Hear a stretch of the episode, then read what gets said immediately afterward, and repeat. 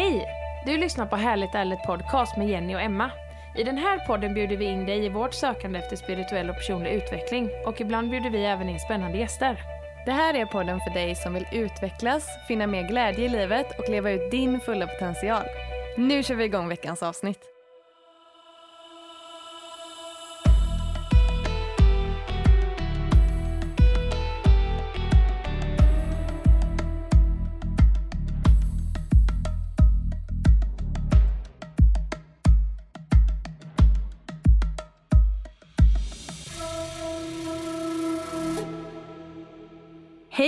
Välkomna till ett nytt avsnitt av Härligt ärligt. Eh, Emma, idag kör vi över länk med en väldigt spännande gäst som befinner sig i Australien. Jag vet! Natalie Sage, varmt välkommen till ett avsnitt av Härligt ärligt. Tack! Wow! Jag blev så peppad nu. Ja. Um, Det Tusen känns så himla fint och kul att vi eh, får till att spela in det här. mm. Ja, jag känner Vi har ju följt dig länge. Har ni det? Ja, Ja, och jag- ja, ja, ja. Och Vi har pratat om dig många gånger. Bara, men nej, Natalie Sage, henne måste vi fråga om hon vill vara med i podden. Men till alla lyssnare här nu som inte kanske vet vem du är. Vem är Natalie Sage och eh, vad är det du gör? Yes, den här, den här frågan som jag ständigt frågar mig själv också. Vem är jag? Um, jag, eh, skitflummigt svar på det. Men jag eh, jobbar som coach och healer. Ehm, har gjort de senaste tio åren. Framförallt med en, en spirituell inriktning. Och eh, som sagt, alltså det jag gör och sättet som jag arbetar på, det skiftar hela tiden. Um, så just nu så är jag väldigt fokuserad på skuggarbete och ehm, eh, att öppna upp diskussion, eller inte diskussion men kanske att, att öppna upp en dialog kring varför skuggarbete är viktigt, vad det är och, ehm, och hur, framförallt hur vi gör det. Ehm, så det är det som känns viktigt för mig just nu. Jag har också andra grejer, andra projekt pågående. Ehm, någonting, någonting annat som jag också brinner för jättemycket är att hjälpa andra holistiska företagare att, att få ut sina, sina tjänster, sitt budskap och um, alltså så här, att så här, hjälpa dem att lyckas sälja. Ehm, för det känns också som en jätteviktig grej som jag brinner jättemycket för. Jag ser, jätte, jag, ser det ganska ofta hur, hur folk försöker och försöker och försöker få ut sina erbjudanden. Och Mm. eh, att det är här, kasta ut en krok och sen så är det ingenting som händer. Och det, är typ, det, gör, det gör att mitt hjärt- hjärta brister lite. För att eh, vi behöver människor som arbetar som, som vi gör. Alltså holistiska coacher och healers och yogalärare, Mm. meditationslärare, allt sånt där. Alltså. Så det, det är en annan del av mitt arbete, att hjälpa dem. Så, mm. Gud vad fint. Jättefint. Det känns ju ändå som att det har... Alltså det känns, om man ser tillbaka de två senaste åren, att det har exploderat Mm. ganska mycket. Men så här, att det är många holistiska coacher och det är så här, många nya benämningar. Ja, precis. På, Folk vaknar väl mer Ja. och mer och känner en längtan och ett behov av det tror jag. Mm, absolut. Mm. Också den här Men om... Ja. Nej, jag ska bara säga också den här längtan efter att, att göra någonting som känns meningsfullt och ehm, som kanske är annorlunda mot vad vi, vad vi lär oss när vi växer upp är möjligt. Alltså, jag, jag tror att internet och vår e, alltså den egna så här, mänskliga kreativiteten har öppnat så många dörrar de senaste åren för, för hur vi kan arbeta och olika sätt att tjäna pengar på som kanske går utanför den här mallen, ramen som vi, som vi växte upp med. Och eh, tänk att så här, kunna, kunna tjäna pengar och arbeta med det som vi älskar. Det är ju, ja. känns som att det är meningen med livet. Varför skulle vi välja någonting annat än det? Liksom? Nej, men Precis. Men det är så konstigt att det känns eh, på många sätt tidigare som att det värdesätts eller har värdesatts att man ska kämpa och, och att det ska Mm. vara hårt nästan. Ja. Eh, men det är egentligen bara att ställa sig den frågan, varför det? Alltså, finns det någon som egentligen har ett vettigt svar på det? Det tror jag inte. Nej. Varför skulle det vara bättre att det liksom går i motvind och man gör rätt för sig och att det ska vara hårt och att det är så man ser på det, än att det flyter och att det bara är smooth och glädje liksom? Ja, men Absolut. jag tänker att det har väl varit, för vi har ju varit inne i den maskula, mas, maskula, den maskula energin. den maskulina energin. Det är ju väldigt så att man bara ska, alltså man, man, det, det, är ju en doer-energi. Den är ju bra också, den måste mm. vi ha. Mm. Men nu känns det som att vi har kommit in lite mer i den feminina. Mm. Att det ska flyta lite mer. Mm. Ska vara lite mer snällare, ja. lite mjukare. Mm, alltså precis. både mot, framförallt mot oss själva. Mm, verkligen. Ja. Och gå samman mer kanske. Mm. Hjälpas åt. Ja, exakt. Ja. Där, där var det ett nyckelord också för mig. Alltså just det här att, att hjälpa varandra och att uh, lyfta varandra genom, genom en gemenskap det känns, alltså, och nätverkande. Det känns som att det också är den feminina principen i, i holistiskt, alltså holistiskt företagande. För att vi är så mycket starkare när vi hjälper varandra. Och mm. att, det inte, att det inte längre handlar om att så här, um, alltså the competitive behavior, vad säger man? Um, Konkurrens. Precis, att det, det är inte så mig mot dig utan det är vi tillsammans mot ett gemensamt mål. Och så som ja. jag ser det, det gemensamma målet det är en typ en mer harmonisk värld. Och mm. vi alla spelar en roll i, i att uppfylla det målet. Så, så det, det, är som att typ, om vi tittar på våra egna kroppar, om en cell, om en, en, en hjärtcell skulle tro att den är i konkurrens med en levercell. Det är inte så, utan det är bara olika funktioner i samma kropp för att ja, låta mig fortsätta vara levande. jag tror att, gud nu bara, går jag rakt ner i det här, men alltså att det, det känns som att det är en, en sån reflektion över hur vår värld fungerar också. Att så, vi är delar av en större organism som är den här jorden. Mm. Och vi alla har vår plats. Och bara tanken på att, att vi skulle konkurrera mot varandra känns ganska bisarr. När man ser det på det mm. sättet. Så, för att vi är mm. ju egentligen alla, vi tillhör ju alla den här planeten. Um, ja. så jag tror att ju mer vi hamnar i vårt hjärta och ju mer vi um, är autentiska och lever utifrån vår glädje desto mer inser vi vår unika roll i den här världen och i den här jordliga organismen. Mm. Precis. Mm. Coachar du eh, människor från hela världen? Eller är det svenska? Det är faktiskt mest svenskar. Mm. Mm. Det har bara blivit mm. så. Ja. Jag har försökt, så jävla många gånger har jag försökt att, uh, att uh, slå ner rötter här i Melbourne. Och det är som att gå in i en vägg. Det, är så här, det går inte.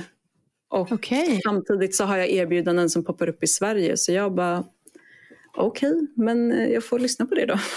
Ja, men är det, tror du att vi är mer liksom törstiga efter att liksom leva ut här? Eller, är det, eller hur är det i Melbourne? Är det, liksom, är det öppet? Jag skulle är... säga att det är mycket mer öppet här än vad det är i Sverige. Ja. Faktiskt. Mm. Um, att det finns alltså, stora subkulturer av hippies. Ja. um, jag vet inte om ni har hört talas om typ Ängsbacka. Jag har inte varit där själv. Jo, men, jo.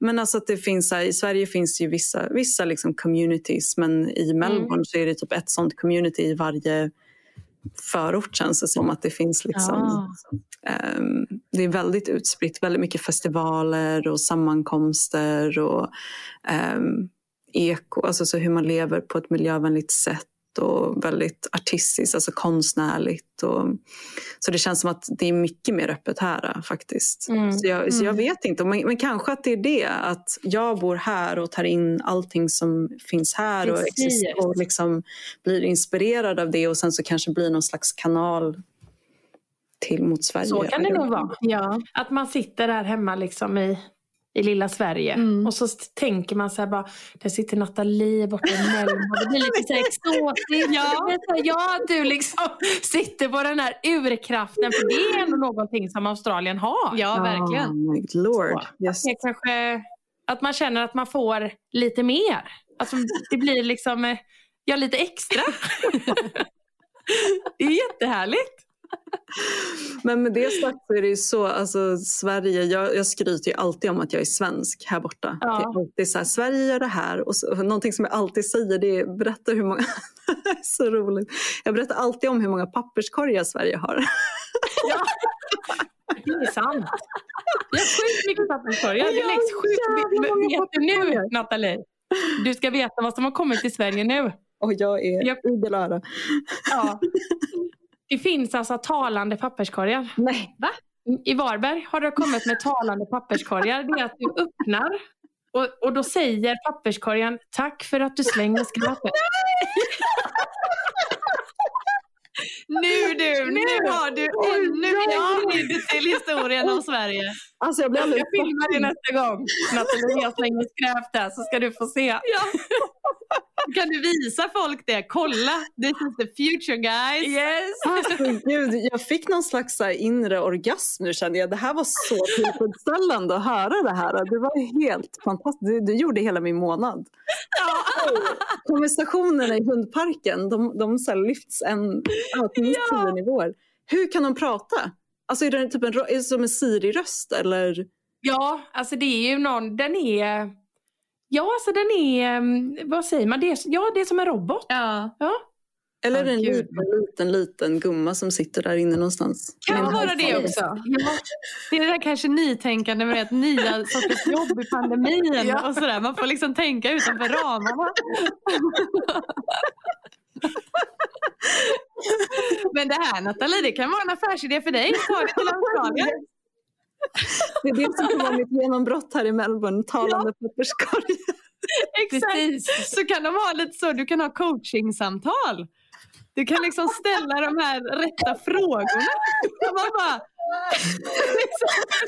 Det blir så här att man, man, ja, man får genom att slänga skräp Ja. får den att börja tänka. exakt. Nej, det här är bra. Har vi investerare? Alla kommer bara säga, vad är nästa budskap?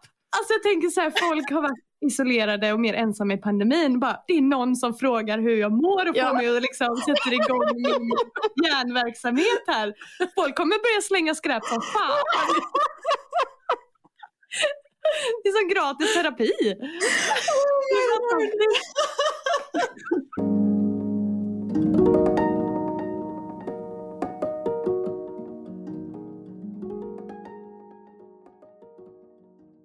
Hur kommer det sig att du bor i Australien?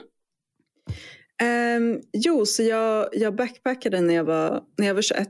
Så åkte jag till Nya Zeeland och trodde att jag skulle vara där i ett år och resa runt. Mm. Ehm, sen så stannade jag där i två år. och ehm, Mm. var med om, egentligen så ville jag stanna där under en längre tid men sen så var jag med om eh, jordbävningarna i Christchurch 2010. Och då Oj. Typ försvann alla jobb så det var omöjligt att få jobb. Och eh, jag hade spenderat alla mina pengar ehm, som backpackers gör.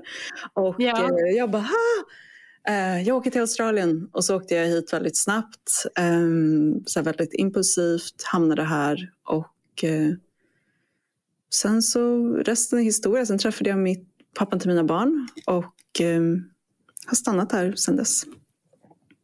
Wow, vilken historia. Verkligen. Det, man kan nästan se det som att det var liksom Moder Jord som verkligen ville. Alltså tänk så här, bara ville att du tog dig dit. Ja, Alltså det känns verkligen som det och, och känslan som jag hade när jag åkte till Nya Zeeland det var verkligen att det var som en magnet. Alltså jag, har inte, jag har aldrig upplevt det innan men det var jag visste bara att jag måste åka dit. Det var ingenting, Mm. det fanns ingen rädsla, det fanns inga, inga tvivel, det fanns inga det var, det var bara en sån enorm självklarhet att jag, att jag måste åka. Och, ehm, och sen så efter att ha varit här i Australien så det är så, precis som vi pratade om innan, att det är så himla stark energi här. Och Mm. eh, speciellt den, den alltså så här modliga, den modliga jordliga energin som såklart finns överallt på planeten. Men det känns som att urkraft, det finns en enorm urkraft här. Eh, och gammal uråldrig mm, visdom som nästan sitter kvar. Och jag, får, jag får alltid rysningar och, och nästan blir tårögd när jag tänker på det här. För att urfolket eh, här, de har ju bott här i över hundratusen år. Och Mm. varit totalt sammanlänkade och isolerade från omvärlden. För Australien är ju en ö, så de, de, det var väldigt lite liksom, nytt som kom in under så lång tid. Vilket Mm. betyder att all, alla djur och naturen och eh, växtligheten och jorden, allting har, har utvecklas tillsammans med de här människorna under så lång tid. Och sen så försvann de ju väldigt snabbt och det var ganska sorgligt liksom hur det hände. Eh, de är inte helt försvunna men stor, den största delen, majoriteten av dem. Eh, och, men det känns som att deras liksom, essens är kvar i jorden och jag tror att det är det som gör att det är så kraftfullt. För att Mm.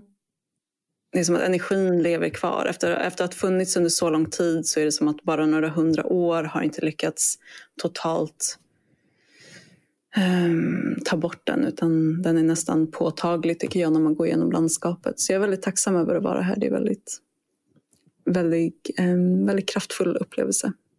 Mm. Vad fint. Ja, verkligen. Tror du att du alltid kommer vilja bo kvar i Melbourne?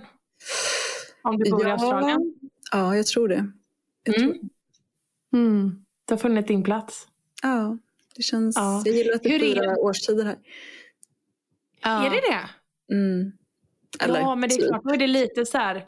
Ja, men det är ändå typ lite hemma fast borta. Exakt. Ja, Mm. nice. Ja. ja.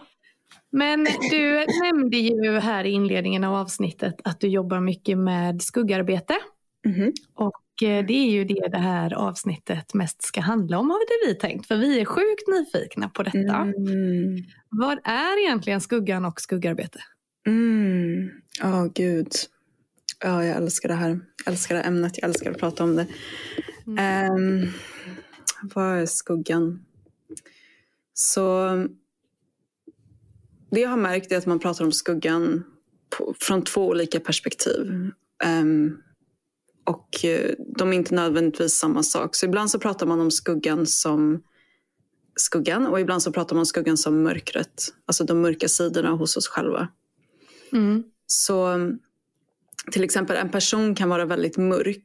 Det kan vara kanske vara eh, självmordsbenägen eller deprimerad eller har väldigt många mörka tankar, kanske självdestruktiv, eh, beroende och så vidare. Och, och det kan man benämna som en, det här är en person som har ett stort mörker. Det är ofta så vi tänker på det. Eh, och så ibland när man pratar om skuggan så är det det som folk tror att det är. Att det är den mörka, bara den mörka delen av människan. Men det är inte det är, det är en sätt att uttrycka det på, men sättet som jag arbetar med skuggan det är allt det som är eh, okänt för oss. Mm. Så det som vi inte själva ser, men som andra ser em, hos oss eller som vi ser hos andra. Och låt mig förklara. Så till exempel, em, om jag som barn växte upp i en familj där mm,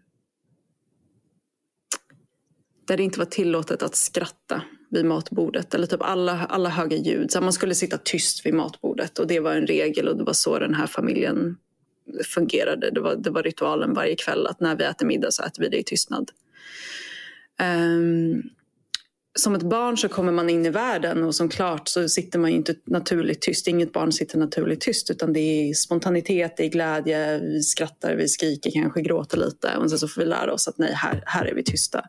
Så vi behöver ta den här delen av expressivt uttryck och ta bort den för att kunna passa in i den kulturen eller familjen, familjekonstellationen som vi befinner oss i, i, i just nu. Så det är i princip en överlevnadsmekanism för att vi ska kunna fortsätta vara i harmoni i den miljön som vi är. Um, det som händer det är att den här delen av oss som vill vara uttrycksfull inte försvinner. Och det här är så här extremt generaliserande. Jag bara använder det här exemplet som, för att illustrera liksom hur, det, hur det funkar på ett förhoppningsvis så enkelt sätt som möjligt. Men, men den här delen av oss försvinner inte utan vi trycker undan den. Och eh, vägrar att erkänna den som en del av oss själva. Så istället för att ehm, Istället för att äga den som en kvalitet i mig så kan jag istället då kanske bli irriterad på andra personer som är väldigt högljudda eller som kanske pratar för mycket. Eller som eh, ehm, kanske är stökiga på något sätt alltså i, i deras beteende. Ehm, och då är då kommer skuggsidan ut som en projektion mot den här andra personen. Så, Åh gud vad den här personen är jobbig när den pratar så här högt. Eller gud har den här personen ingen respekt för mina gränser. Men det det egentligen handlar om det är att vi själva har en sida av uttrycksfullhet som vi har tryckt undan som barn och som vi inte ser och som vi inte äger. Mm. Ehm, så det är den skuggan som jag arbetar med. Alla de delar som vi ehm, är blinda inför och som vi lättare ser i andra personer. Så skuggan, ofta så har kvaliteterna i skuggan en känsla av skam eh, bunden till dem. Vi känner skam för att den här skammen behövs för att vi ska vara förmögna att trycka undan känslan från början. Vi behöver, vi behöver bli, liksom, känna skam utifrån för att veta att det här är inte accepterat. Så här, och om du inte mm. lyssnar så kommer du möjligtvis inte att få vara en del av den här familjen. Alltså rent biologiskt sett, det är det vi är rädda för när vi känner skam. Um, men det kan också vara så att de här sidorna inte bara är negativa sidor utan det kan också vara positiva sidor. Um, så till exempel om vi, har en, om vi har en förälder som inte fick sjunga som barn. Eller vad ska vi ta något annat exempel. Om vi har en förälder som um, ville vara dansös. Men föräldrarna bara, nej du ska vara akademiker. Och sen mm. så får den här personen ett barn. Och eh, när barnet försöker dansa eller vara så här, kanske kreativ på något annat sätt så kanske föräldern trycker ner och säger um, i princip med andra ord typ Don't show your light. Don't be in your light. Don't be in your beauty. Var inte i din skönhet. Var inte ditt ljus. Var inte det som är dina talanger. För att föräldern själv har tryckt undan det från början. Så då kan vi börja också trycka undan, undan delar som kanske är ljusa för oss. Alltså som är mm. förknippade med att vara i vår, i vår högsta potential. Um, så skugg, det jag försöker säga är att skuggan är inte bara mörk, det är inte bara negativitet utan det kan också vara ljusa egenskaper. Um, men som av, av, en eller annan anledning har skam bundna till dem. Just det. Ja, oh, gud, det har vi nog alla mm. saker som vi omedvetet eh, gör eller inte gör då. För Absolut. att eh, det är det vi har blivit lärda. Liksom. Absolut. Eh, och jag tänker att det är inte bara av föräldrar utan av samhället och skolan och alltså mm. utifrån på alla Verkligen. sätt. Eh, men eh, det är sjukt spännande. Vad häftigt det måste vara för dig att få vara en del av de här människornas utveckling i det. Mm. Mm. Verkligen. Alltså jag tror att Men hur kan vi... Nej. Ska jag fortsätta? Um... Ja. Sorry. Um, jag tror att det, det, det, som är en del av det som jag eh, älskar med skuggarbete det är att det är alltid delar som vi inte har en aning om att vi har. Mm. Som vi i stunden totalt förnekar. För att det måste vara så. Om, om vi trodde att det var en del av oss så skulle det inte längre vara vår skugga.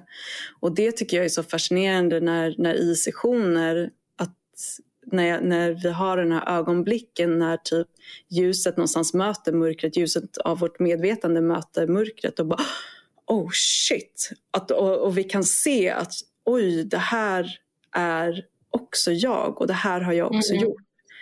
Um, mm. det, det är extremt tillfredsställande faktiskt att få vara med om de stunderna. Så ja, det är jättekul. Jag förstår det. Men hur kan man jobba med sina skuggsidor? Mm. Um, det bästa sättet är att skriva ner um, fem till tio egenskaper. Det är, så här, det här är, det är så simpelt och så enkelt att börja på det här sättet. Mm. Och extremt effektivt. Så skriva ner fem till tio egenskaper hos andra personer som du inte tål.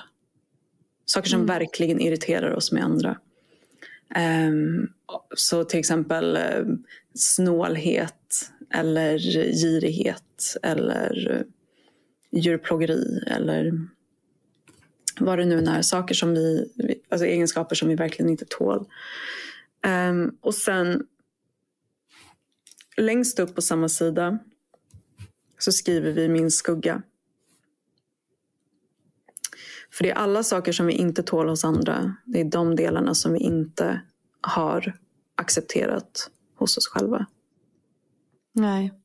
Och det är det här som är så jäkla jobbigt att inse och förstå. För att det är mycket lättare att peka finger utåt och säga att så här är de här människorna. Och speciellt på figurer som vissa politiker eller som vissa historiska figurer, människor i samhället. Eh, fängelserna är fulla med människor som bär det här svarta fåret-energin, som bär st- större samhällets skugga. För jag menar, ehm, v- vem är inte skyldig av ett brott någon gång i sitt liv? Liksom? Vi är alla skyldiga. Mm. Um, vare sig det är att ljuga eller att gå bakom ryggen på någon eller att tala mindre sanning. Eller, alltså det vi alla är skyldiga till någonting.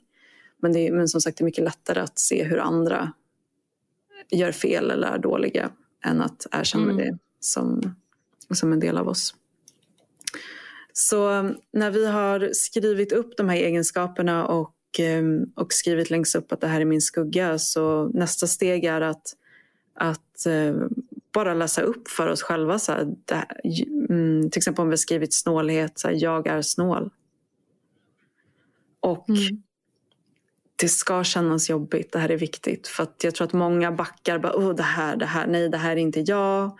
Och det här gör inte jag, jag kan inte se mig själv göra det här. Och det kommer vara vissa delar som vi absolut inte kan se att vi gör. Medan det är andra delar som kommer vara lite enklare för oss att se. Eh, Men, men det är exakt det så det ska vara. Det ska inte vara lätt att se det. För att igen, då är det inte vår skugga. Mm. Nej. Ehm, så att läsa upp varje egenskap och säga jag är det som står. Ehm, jag är snål, jag är elak, jag är våldsam, vad det nu än är. Och sen försöka ta reda på liksom, att skapa någon slags förståelse och empati för varför vi möjligtvis har agerat på de här sätten i det förflutna. Eller vad är det som vad är det egentligen vi behöver i de här eh, situationerna? Så till exempel om, om, jag, om jag säger att jag, är- att jag är snål, då, jag har ägt det här jag är snål eh, som är en del av min skugga. Så kan jag tänka så här, men vad är det som gör att jag är snål då? Eh, vad är det som egentligen liksom sker under ytan? Och det som sker det kanske är att jag är rädd för att inte ha tillräckligt med pengar. Mm. Mm. jag kanske växte upp i en ostabil eh, hemmiljö där det inte fanns tillräckligt och jag kanske riskerade att vara utan och helt plötsligt så eh, så, alltså att, eller inte helt plötsligt, men att jag kände att jag behövde hålla i mina resurser så gott jag kunde. Ehm, och eh, sen att, att väcka någon slags förståelse som sagt och empati för den delen av oss som, som bara hade det här behovet av att hålla fast vid någonting, att ha någonting konstant i våra liv när kanske allting annat var kaos runt omkring oss. Ehm, och det är där skuggarbete kan varvas med typ inre barnarbete för att vi går in i så att, att ge det inre barnet det vi behöver i den situationen. Så om det är trygghet kanske i form av någonting annat, kanske en kram eller ehm, kanske ett varmt bad, vad det nu än kan vara. Liksom. Mm. Mm. Så det, det är i enkelheten processen. Eh, Jag tycker att skuggarbete är lättast nästan att göra antingen med en, om man har en mentor eller en coach eller om man går i typ en kvinnocirkel eller någonting liknande där man kan ha andra personer som speglar en och håller i det för att det är jäkligt lätt att smita. Eh, Ja. Egot är superduktigt på att kamouflera sig och eh, inte vilja se. Eh, Mm, nej, och, och komma på distra, anledningar till eller distra, distrahera sig på något sätt. Så det är bra att kunna ha en spegel som inte, inte viker sig liksom, och som är där och håller Nej. sig med kärlek och värme. Det där är så sant. För det är så många gånger som man sitter så här i, i cirklar. Mm. Det har ju vi gjort väldigt mycket. Mm. Eh, att man hör när jag hör andra kvinnor berätta liksom om sina tankar och känslor och sådär så är det som alltså, fler gånger än inte som jag bara, det där hade kunnat vara jag som sa det där. Mm. Verkligen. Att man liksom känner igen sig och sådär och att man bara, ja det där är sant. Och- det kan ju också öppna nya tankebanor och nya sätt för mig att tänka om mig själv. Man tar ju med sig det hem och Mm. så funderar och, Mm. och sådär. Ja, det är väldigt sant. Det är också mycket lättare att öppna upp eh, när man känner trygghet i att någon annan gör det också. Ja, precis. Verkligen. Det känns som att säga, okej men de gör det, då är det okej att jag gör det också. Mm. Det är väldigt fint. Mm. Tillåtande. Ja, verkligen. Men varför tycker du att alla borde jobba med sin skugga? Mm, för att det är sanningen av vilka vi är. Så om vi Mm. inte arbetar med skuggan så lever vi i en illusion.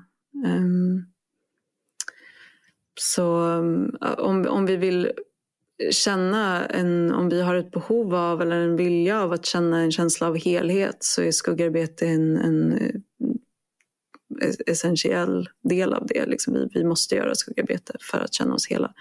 Och ehm, så det är den första anledningen. Men den, en annan anledning är också för att väcka mer empati för, för oss själva och för andra och inse att de här personerna som vi tycker är så hemska och gör så dåligt och, och som vi själv um, shamear, liksom, att, att inse att de, det de gör kommer ofta från ett ställe av att de har ett behov som inte har blivit uppfyllt någonstans längs vägen. Och um, precis på samma sätt som vi har beteenden som, som speglar behov som inte vi har fått uppfyllda. Och att kunna skapa den kärleken och empatin för oss själva innebär ju också att vi kan hålla det för andra och i det att, att skapa mer kärlek i världen. Så, så det är ganska roligt så här, hur skuggarbete, man tänker att det är mörkt och det är hemskt. Och det är, men i slutändan så handlar det om att, att, skapa, att ha mer, kunna ha mer ljus. Liksom, att kunna hålla space Mm. med mer ljus. Så fint. Mm. Nej. Kör du. Ja. eh, vad kan vara bra att tänka på när man ger sig in i sitt skuggarbete? Mm, bra fråga. Vad kan man bra tänka på? Vara uppmärksam på egot som, som försöker smita är kanske det första. Att ta, ta sig tillbaka eh, till det, det, alltså det utforskandet. Eh, att förstå att ingen del av dig är fel. Eh, ingen del av dig är dålig eller liksom att du, du, ingen är sönder. Liksom det är, oavsett vad, som, vad vi ser i vårt inre. Så jag, vet inte, jag tror att de flesta människor så här, innan man har gått och lagt sig eller kanske när man har drömt någon dröm så har man vaknat och man bara hur, hur kom de här bilderna, de här fruktansvärt typ brutala, morbida bilderna in i mitt huvud? Mm. Och att veta att de bilderna och de tankarna som vi alla har, oavsett hur mycket vi vill låtsas som att vi inte har det. Vi alla, har, vi alla är lite sjuka i huvudet. Alltså det bara är så. Mm. Vi är människor. Om vi tittar Mm. tillbaka på historien också så ser vi att andra kulturer har hanterat det här på ett mycket bättre sätt än vad vi hanterar det på nu. För de hanterar det genom ritualer och ceremonier. De gör traditionella masker och dräkter och de lever ut mörkret. Mm. Halloween är en enda stor skuggfestival. Där vi Mm. projicerar all den här energin på den här festivalen en gång om året. Där vi får Mm. tillåtelse att vara fula och hemska och, och, eller sexiga eller vad det nu än är som vi vill vara. Liksom. Ehm, men att veta att, att, att mörkret är en del av att vara människa. Och det finns ingen, inget mörker i dig som är farligt eller som är dåligt. Utan ehm, allt är okej. Och med det sagt så betyder det inte att det vi ser att vi gör det i, i, liksom, i handling. Men att det existerar i din inre verklighet är mänskligt. Mer än mänskligt. Mm. Så Mm. kom ihåg det, det tror jag är jätteviktigt. För att när vi, ju djupare vi går in i mörkret desto läskigare kan det bli. Så, Precis. mm. Hur kan ehm, ehm, skuggsidorna ligga bakom utmattning? Jag har faktiskt aldrig varit utmattad. Så jag har ingen personlig erfarenhet av det. Eh, låt mig tänka. Eller tror du att det finns liksom kopplingar till att så många blir utmattade och, och så ihop med att man kanske förtränger sina skuggsidor? Mm. Jag, eh, det som kommer till mig det är att utmattning är skugg, att det kan, det kan vara så att utmattning är ett sätt för skuggan typ att ta över. Eh, och, mm. och, kanske ett, ett sätt för det undermedvetna att ta över. Det är lite så här, om du inte lyssnar på alla de här varningssignalerna som jag skickat till dig under några år nu så anser inte jag att du kan styra det här skeppet längre, a.k.a. kroppen. Och då är det bättre att jag tar över. Så nu går vi in i väggen tillsammans så att vi kan eh, styra om ditt liv så att du kan leva ett mer hållbart, på ett mer hållbart, hållbart sätt. Mm. Så på mm. det sättet så, så tror jag, alltså skuggan i, i koppling med det undermedvetna, så att skuggan är en del av vårt undermedvetna. Så att det är det undermedvetna som tar över, absolut. Och det undermedvetna i sig är väldigt kopplat till kroppen, vår fysiska kropp. Så ja. Absolut, men, men jag tror att det där är också väldigt individuellt om det är en specifik skuggsida som tar över eller inte. Um, men uh, jag det jag märker eh, i skuggarbete det är att det utlöses väldigt mycket kraft. Alltså enorma mängder kraft när vi gör skuggarbete. För att mm. när vi, om, vi hållit, om vi har spenderat så mycket livsenergi och tid på att hålla undan en sida av oss själva eh, och vi helt plötsligt släpper och det blir som en explosion av livskraft som Precis. helt plötsligt blir tillgänglig till oss eller för oss. Mm. Så om vi går igenom eh, vad det nu än är för utmaningar som vi har, om det är utmattning eller depression och vi gör skuggarbete så är det ganska ofta, och jag har sett det här också i mina sessioner, att det är så här till exempel, jag hade en kvinna för många, många år sedan, det här var precis i början när jag, när jag började coacha, hon hade eh, artrit, heter det så? Artros kanske? Artros. Är det det du menar? Ja, arthritis. Um, Jaha, nej det kanske inte är samma. När man, när man har så här, alltså hon, hennes händer, var, hennes skelett var typ kalcifierat. Ja, att man har ont i leder och ja, så. Precis. Då är det nog artros tror jag. Mm. Ja. Uh, och uh, när hon kom till mig så var hon, hon var så spänd. Hela hennes kropp var verkligen, nu, ni ser ju, men det var verkligen så här, hennes händer var ihop mm. nästan, vad säger man, inte krympna men liksom de var ihoppressade väldigt, väldigt, väldigt mm. hårt. Och hon, hon, jag såg att hon var i så mycket smärta och när vi gick igenom våra sessioner tillsammans så höll hon inne på en enorm ilska mm. mot en specifik person. Och hon hade aldrig någonsin släppt ut den här ilskan. Hon, hon, hon bar på så duktig, duktiga flickan syndrom. Så hon, hon, var, hon var the good girl, liksom, höll inne på ilskan och satt ner tyst och gjorde det hon skulle. Men hon släppte ut all den här ilskan i en session och det var fan det, alltså det, en av de coolaste upplevelser som jag någonsin har haft i en session. För jävla vad mycket kraft det var i det. Ja. Det, var så, alltså hela, det var nästan som en jordbävning i hela huset och jag får fortfarande rysningar ja. när jag tänker på det. Ja, jag ryser också när du berättar det. det hon, hon slog på soffan, hon skrek, alltså hon, allting bara ut i den här stunden. Allting som hon hade burit på under de här många, många åren. Och den här personen hade behandlat henne skitdåligt. Så det var verkligen mycket, mycket, mycket, mycket ilska. Och sen så dag, eller sessionen efter, artrosen var fortfarande där men det var, hon var så mycket mer avslappnad i kroppen. Mm. Och eh, det var en så viktig upplevelse för mig att ha som coach. Att se vad den känslomässiga när, när vi släpper på känslomässiga blockeringar, hur det faktiskt speglas direkt nästan i kroppen. Och att eh, jag tror starkt på att de flesta fysiska besvär som vi har faktiskt är kopplade till känslor, känslor som vi inte vågar känna eller som vi inte vet hur vi ska få tillgång till och inte, mm, ja. inte vågar uttrycka.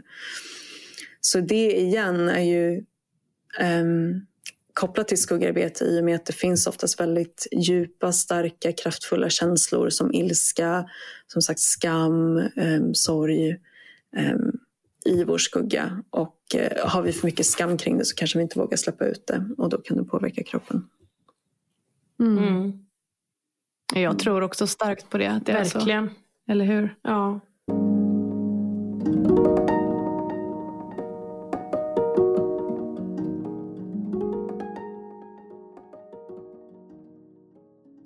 Också intuitionscoach, Nathalie. Mm, yes.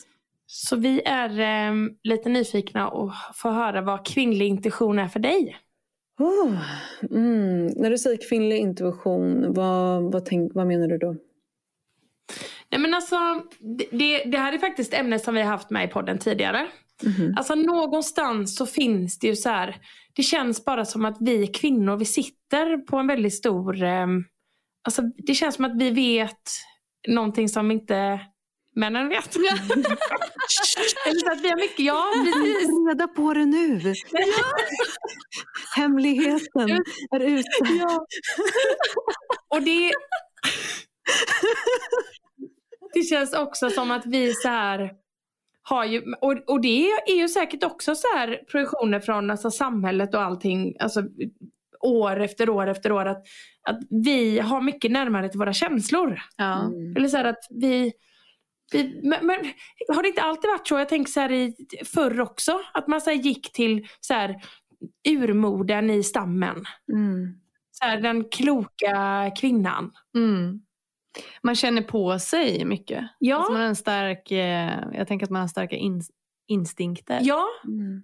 Jo det har vi. Alltså, jag tänker nu, vi är ju mödrar båda två. Alltså, jag hör ju på liksom på sättet mina barn gråter. Mm. Så här att nu är det allvar, nu är det inte allvar. Hur de liksom jag vet inte, jag bara känner. Och så här att nej, nu är det tyst. Mm. Nu är det någonting. Nu, man, man har bara en sån här känsla. Mm, precis. Ja, så Absolut. bara så här lite nyfiken vad kvinn, alltså så vad, om vi frågar dig vad kvinnlig intuition är.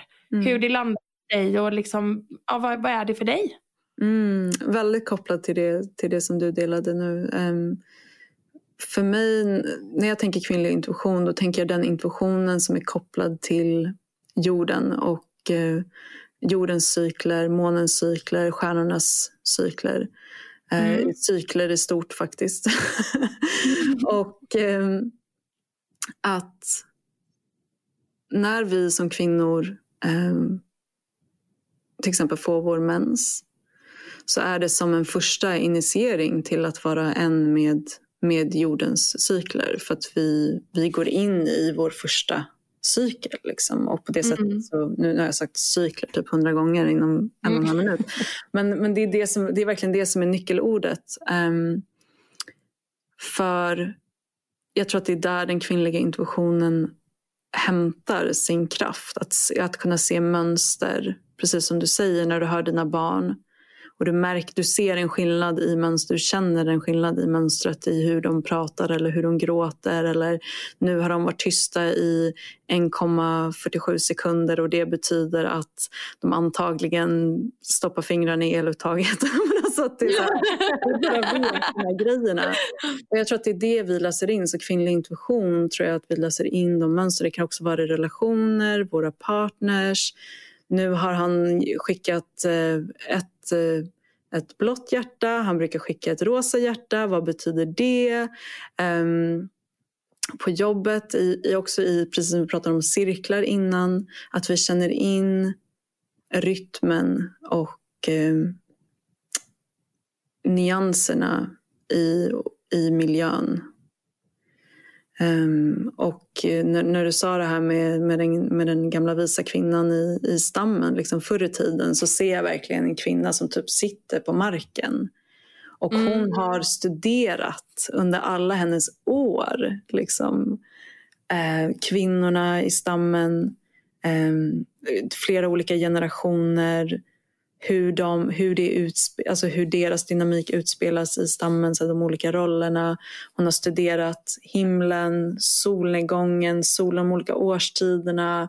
Hon har studerat vilka djur som kommer fram och som är tecken på att nu är, är hösten här eller nu är våren här. Vilka blommor Mm. kommer, vad kan man äta? Alltså all, all den här visdomen finns ju i henne. Så för, den kvinnliga, för mig är det den kvinnliga intuitionen, alltså en kontakt med de cyklerna och med jorden som en, en levande organism. Fint. Ja, väldigt det är fint. jättefint. Ja, det resonerar väldigt starkt med mig också. Jättestarkt. Ja. Och jag tänker det där är så, just det här också så här med typ medicinkvinna. Mm. Det har man ju hört så länge. Men i den moderna världen så har ju det försvunnit. Mm. Och, så här, och det var ju också, alltså medicinkvinnan hade ju all kunskap Ja. om, som du säger, vad man kunde äta och vad som kunde läka vad. Och, Mm. Och sådär. Men det är ju liksom lite borta. Men det känns ändå som att vi börjar plocka tillbaka lite. ja. Mm. Men det, ja, nej, det, det känns ändå som att kvinnan är lika med visdom. Ja, Ja. och det är kvinnans tid nu. Ja. Och vi måste också komma ihåg att, att våra kroppar har utvecklats på, det här, på de här sätten under mycket, mycket, mycket, mycket, mycket längre tid än vad det västerländska samhället har, har existerat. Mm. Så våra kroppar vet, våra kroppar håller fortfarande på den här visdomen och på den här kunskapen. Eh, och jag vill dela någonting med er, någonting jättekult som jag precis har insett på tal om cykler. Och, och jag uppmanar alla som lyssnar på det här att, att gå och, och kolla det här också. Jag läste nyligen att varje eh, kvinna Mm. har sin egen månfasdag där hennes kropp väljer att föda barn. Va? Så typ, Va? ja, så att ehm, om man har, så att, som du då, du har två barn. Så du kollar på deras födelsedagar och så kollar du när du födde dem, alltså under vilken månfas du födde dem. Så verkar det som, av det som jag har undersökt själv och det jag har läst, att din kropp har valt samma månfasdag för båda dina barn. Mm. Mm. Gud vad coolt. eller så kan det vara att de är totala motsatser. Så om, ena barnet är född på nymånen så är den andra född på fullmånen till exempel. Okej. Och oh ja, alltså det här är så spännande för jag har frågat massa olika människor och det är, det är ett tydligt mönster. Alltså min mormor, min mamma, min syster, min äldsta dotter, vi är alla födda under samma månfas. Men gud vad coolt. Gud vad coolt. Och Shit, eh, alltså. min, min yngsta dotter hon är född på den totala motsatsen. Och hon säger alltid, det här har hon faktiskt sagt, hon säger så här, hon bara, mamma det känns som att jag är lite annorlunda mot resten av familjen. Åh. Och så är hon liksom, och hon är väldigt Ja. annorlunda. Hon är, hon är väldigt ren i sin energi. Jag tror inte hon har haft, le- levt många liv innan det här. Jag tror att hon kommer in med så väldigt ren energi. Men det är också så intressant att det speglas just i det här. Att hon är Mm, den enda som inte är född just där. Så kolla det eh, och, och, och dela om det är så. För jag tycker det är jättespännande att jag gör lite så här personlig research i det här just nu. Verkligen. Ja, du måste ja, kolla jag ska detta. kolla det. Gud vad spännande. Jättespännande. Men när vi ändå pratar så här om kvinnlighet och sådär. Vi Mm. älskar ju att du, du lever ju ut din kvinnlighet väldigt mycket genom ditt Instagramkonto. Mm. Jag försöker. Har du alltid gjort det eller är det någonting som har kommit starkare och starkare på Mm. senare dagar? Eh, och när känner du dig som mest feminin? Mm, mm. Alltså jag älskar de här frågorna. Ehm, nej, det är inte någonting som alltid det har alltid funnits, men det här har kommit fram som en av mina skuggsidor. Jag har varit otroligt provocerad av kvinnor som, alltså tidigare av kvinnor som ehm, eh, uttrycker sensualitet och sexualitet eh, fritt. Och jag är fortfarande lite provocerad, lite hotad av kvinnor som gör det. Ja, nu är vi Mm. är ärliga här. Ja. Eh, Så den delen, den sidan av mig har kommit faktiskt som en del av mitt eget skuggarbete. Att jag har att lyckats penetrera det, det motståndet liksom med att inse att det är faktiskt någonting som jag också vill leva ut. Och någonting som jag verkligen gör mycket mer nu än vad jag någonsin har gjort. På alla plan liksom. Så det um, men det är så mycket mer också. Så att leva ut den kvinnliga kraften för mig det är typ att vara i skönhet också. Alltså att vara, alltså att skapa en vacker miljö och att skapa vackra ting och att, att verkligen njuta av skönhet em, på alla olika plan. Så. Em, och vad var den andra frågan? När du känner dig som mest feminin? Mm. När känner jag mig som mest feminin? Alltså det är nog när jag är med en väldigt maskulin man. Alltså när jag har en väldigt Mm. maskulin man i närheten, då känner jag mig väldigt, väldigt feminin. Mm. Och det är nästan som att jag behöver ha en, en maskulin man för att känna mig väldigt feminin. Det är lite konstigt och kanske lite så här, jag vet inte, jag kanske inte borde säga det i, i dagens jämställdhetssamhälle, men det, är- det är min upplevelse. Ehm, eller om jag själv går in med maskulin energi. Men, ja, men lite så att min feminina sida kommer fram i motpolen, liksom i speglingen. Mm. Ehm, Sen så har jag en väldigt så här, feminin essens så att jag kan gå runt och vara feminin också men den, den trycks till sitt yttersta när det är en maskulin närvaro. Mm. Vad häftigt. Det är Ja. ju skuggarbete tänker Ja, det jag. Det. ljusa, det mörka. Verkligen. Ja. Jag kan känna igen mig eh, i det du berättade om att du tidigare känt dig triggad av när andra kvinnor kanske är för lättklädda eller lever ut och sådär. Vi var ju, våran resa att leva ut våran kvinnlighet mer började ju genom att vi gick på en så här, eh, vad, vad kallades den? Eh, after work for wild women. Just det! Vi skulle liksom dansa i högklackat och vara Ah, sexiga. yes. Och det kändes ju jätteovant för oss Mm. båda två. Ja, så, nej, men jag ska säga att det var, det var fruktansvärt. Ja. Alltså, jag tänkte bara, vad håller jag på med? Mm. Men det, mig- men det var ju ändå början på en väldigt stor transformation. Ja, i oss jo. båda där vi verkligen mer och mer har dragits till att vi vill mer och mer och mer vara, vara liksom i vår kvinnliga kraft och verkligen Mm. våga vara det. Och har helt ändrat. Jag, jag ser inte på det på, alls på samma sätt som jag gjorde innan. Nej. Eh, jag, jag känner det inte på det sättet att jag är dummande mot någon annan som gör det utan snarare att jag känner mer bara yes you Yeah. go girl, Ja. man kör! och det är väldigt nice. Ja. Och jag tycker Det är att det är också vår typ, lite vår plikt till systraskapet. Alltså på det sättet Mm. att göra skuggarbete. För att eh, det är ju väldigt lätt annars att, att kanske känna sig hotad av andra personer som, som lever ut de delarna som vi själva trycker undan. Och Mm, att eh, det är inte så skönt för gemenskapen kanske utan att det är vårt ansvar att, att eh, ta hand om de delarna hos oss själva. Och jag menar, ju mer kraft, styrka, eh, njutning som vi, vi kvinnor kan tillåta oss att känna desto vackrare blir ju vår värld. Liksom, det är bara Precis. positivt. Ja, att trycka ner det eller bort de sidorna är ju bara ännu ett sätt att liksom förminska kvinnor och hålla oss tillbaka. Verkligen. Det är väl just det här, det känns som att Alltså att man kanske har att det, det, det har känts som att det har varit för mannens skull. Ja. Men jag menar idag, alltså helt ärligt, så jag, jag efter den här after worken så har jag köpt mig jag har köpt mig två sexiga bodies och en väldigt sexig eh, bh med så här strass och det är grejer och, och så. Men jag ska säga en sak att det är klart att jag, så här, jag sätter på mig det och jag säger ju inte till Andrea att jag sätter på mig det. Nej. Och så har jag en liten, eh, vad heter det, en liten eh, kimono typ över. Men någonstans, alltså det är ändå att vara lekfull med mig själv. Ja. För att jag så här bara, "Hm, du vet inte men jag vet. Ja. och så här, jag så typ så studerar jag lite mig själv och ändå så här, alltså det är verkligen för mig. Mm. För att jag känner att jag växer väldigt mycket i det och sen är det ju bara en bonus att han får ta del av det. Ja, Ja. Men jag gör ju inte det för hans skull. för bekräftelse. nej, Liksom. alltså Mm. nej, nej. det gör jag inte. Mm. Men sen är det ju väldigt roligt att se minen. När han bara... alltså? Men alltså, det, är här, det är också någonting som jag tycker är alltså, jätteviktigt att prata om. Att så här, på något sätt att vi... Alltså, vi hamnar igen i det här, ah, men kvinnor vi ska inte vara för sexiga men vi får inte heller inte bry oss och vi ska inte bry oss för mycket. Och så här, Nej, varför, varför kan vi inte bara få, få liksom klä, varför kan vi inte bara få klä oss sexigt och vara vackra och få uppmärksamhet för det? Så vad är det som är Mm.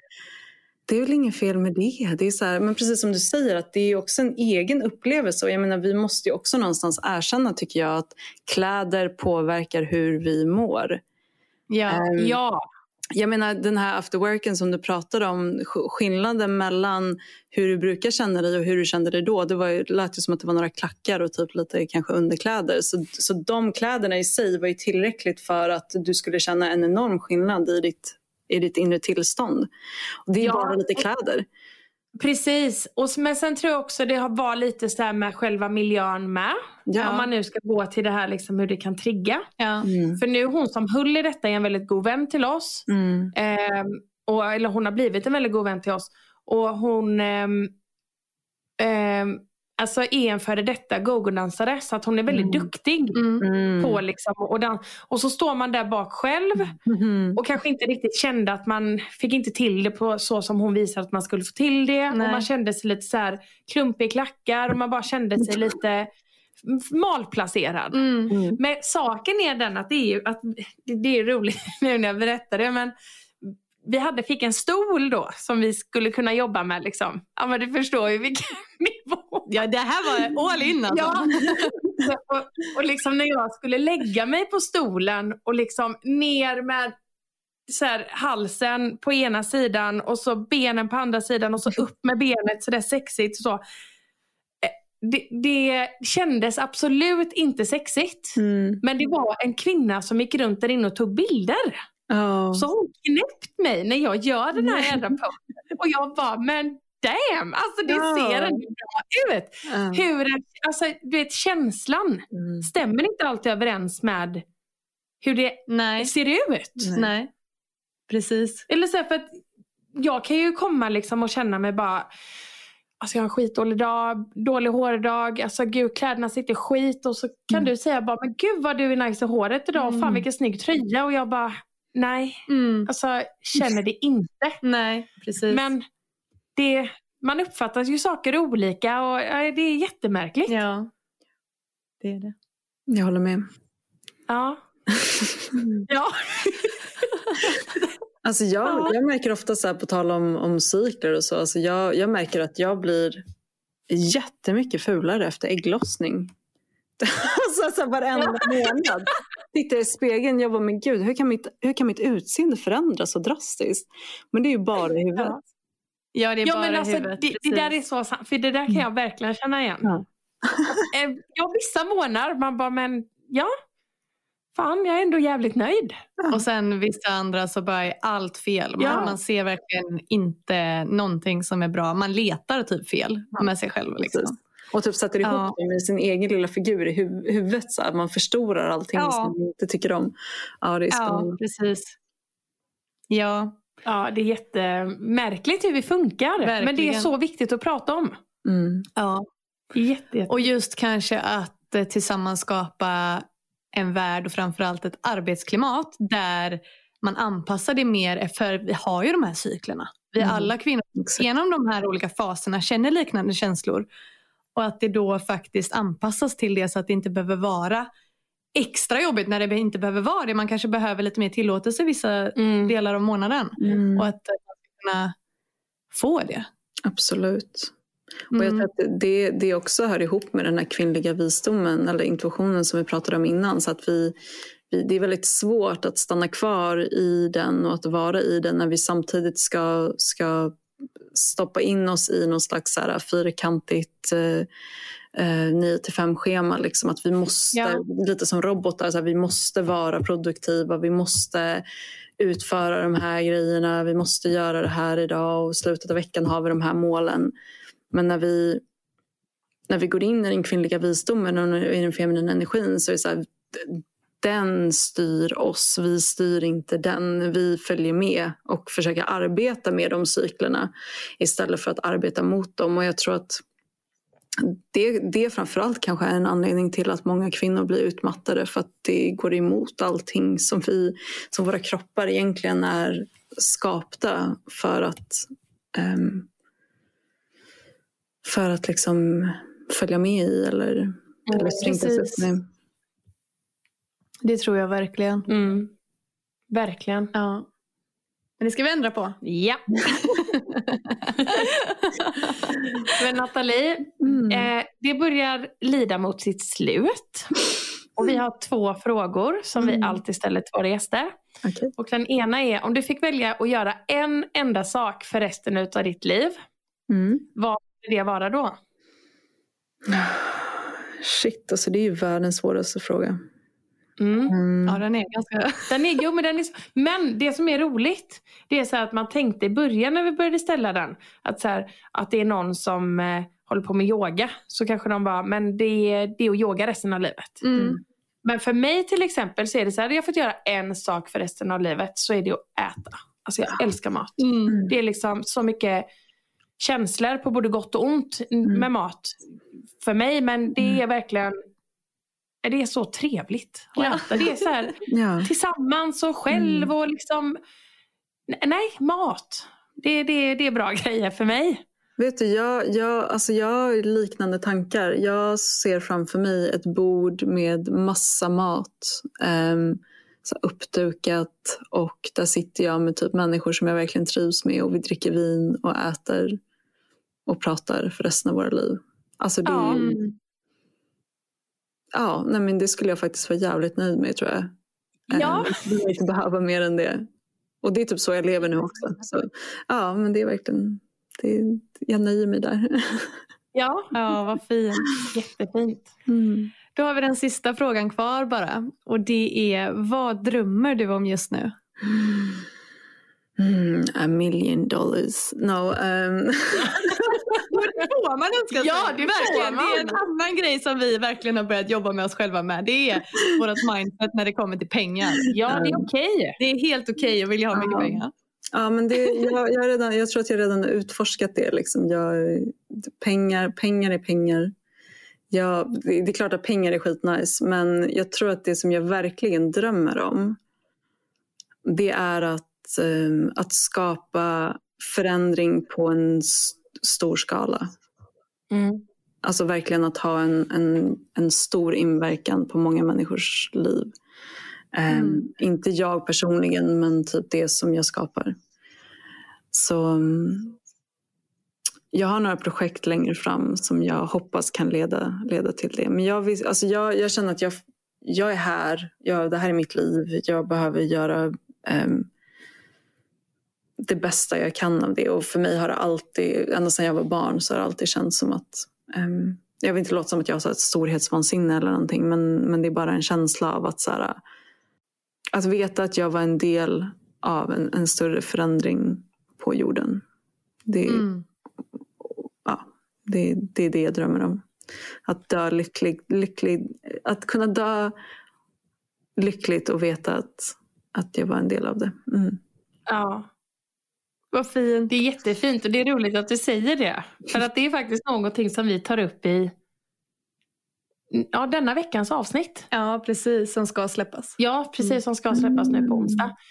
Det är att ehm, vi har också allt, och det var också sådär att vi, bara, vi, att vi säger ju där att vi inte vill tro att vi är mer än någon annan. Mm. Men att vi ändå alltid har känt att vi inte menade Nej. för att jobba vanligt. Nej. Vi menade för någonting mer. Mm. Och det har jag alltid känt. Ja, jag också. Alltid, alltid, alltid. När alla andra har drömt om att du vet, de ska bli massa saker och sånt så har jag bara så här, jag drömmer om ett stort berg Mm. och jag står på toppen.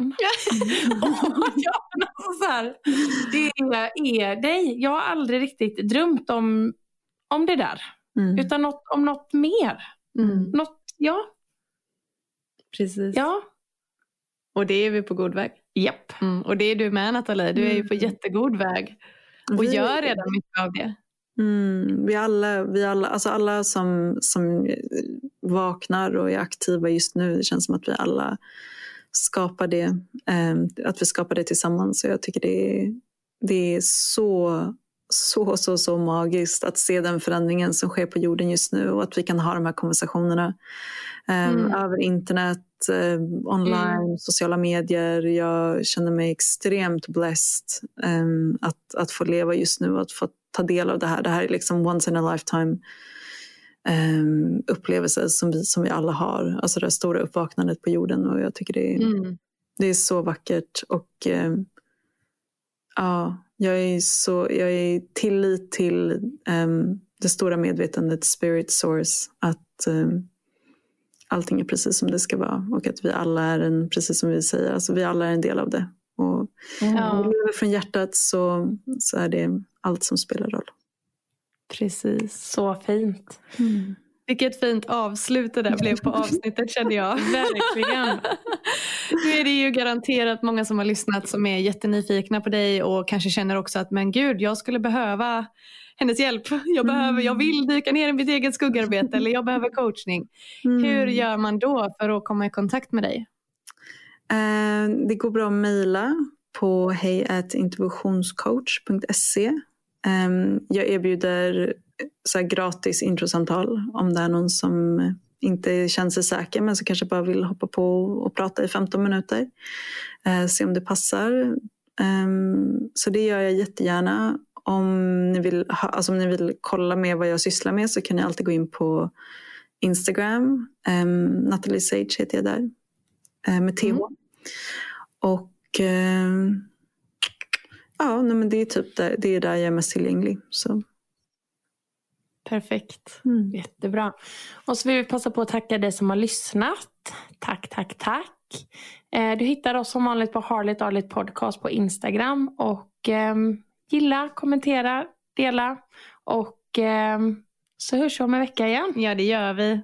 Tack så mycket för att ni lyssnade. Tack så jättemycket. Hej då!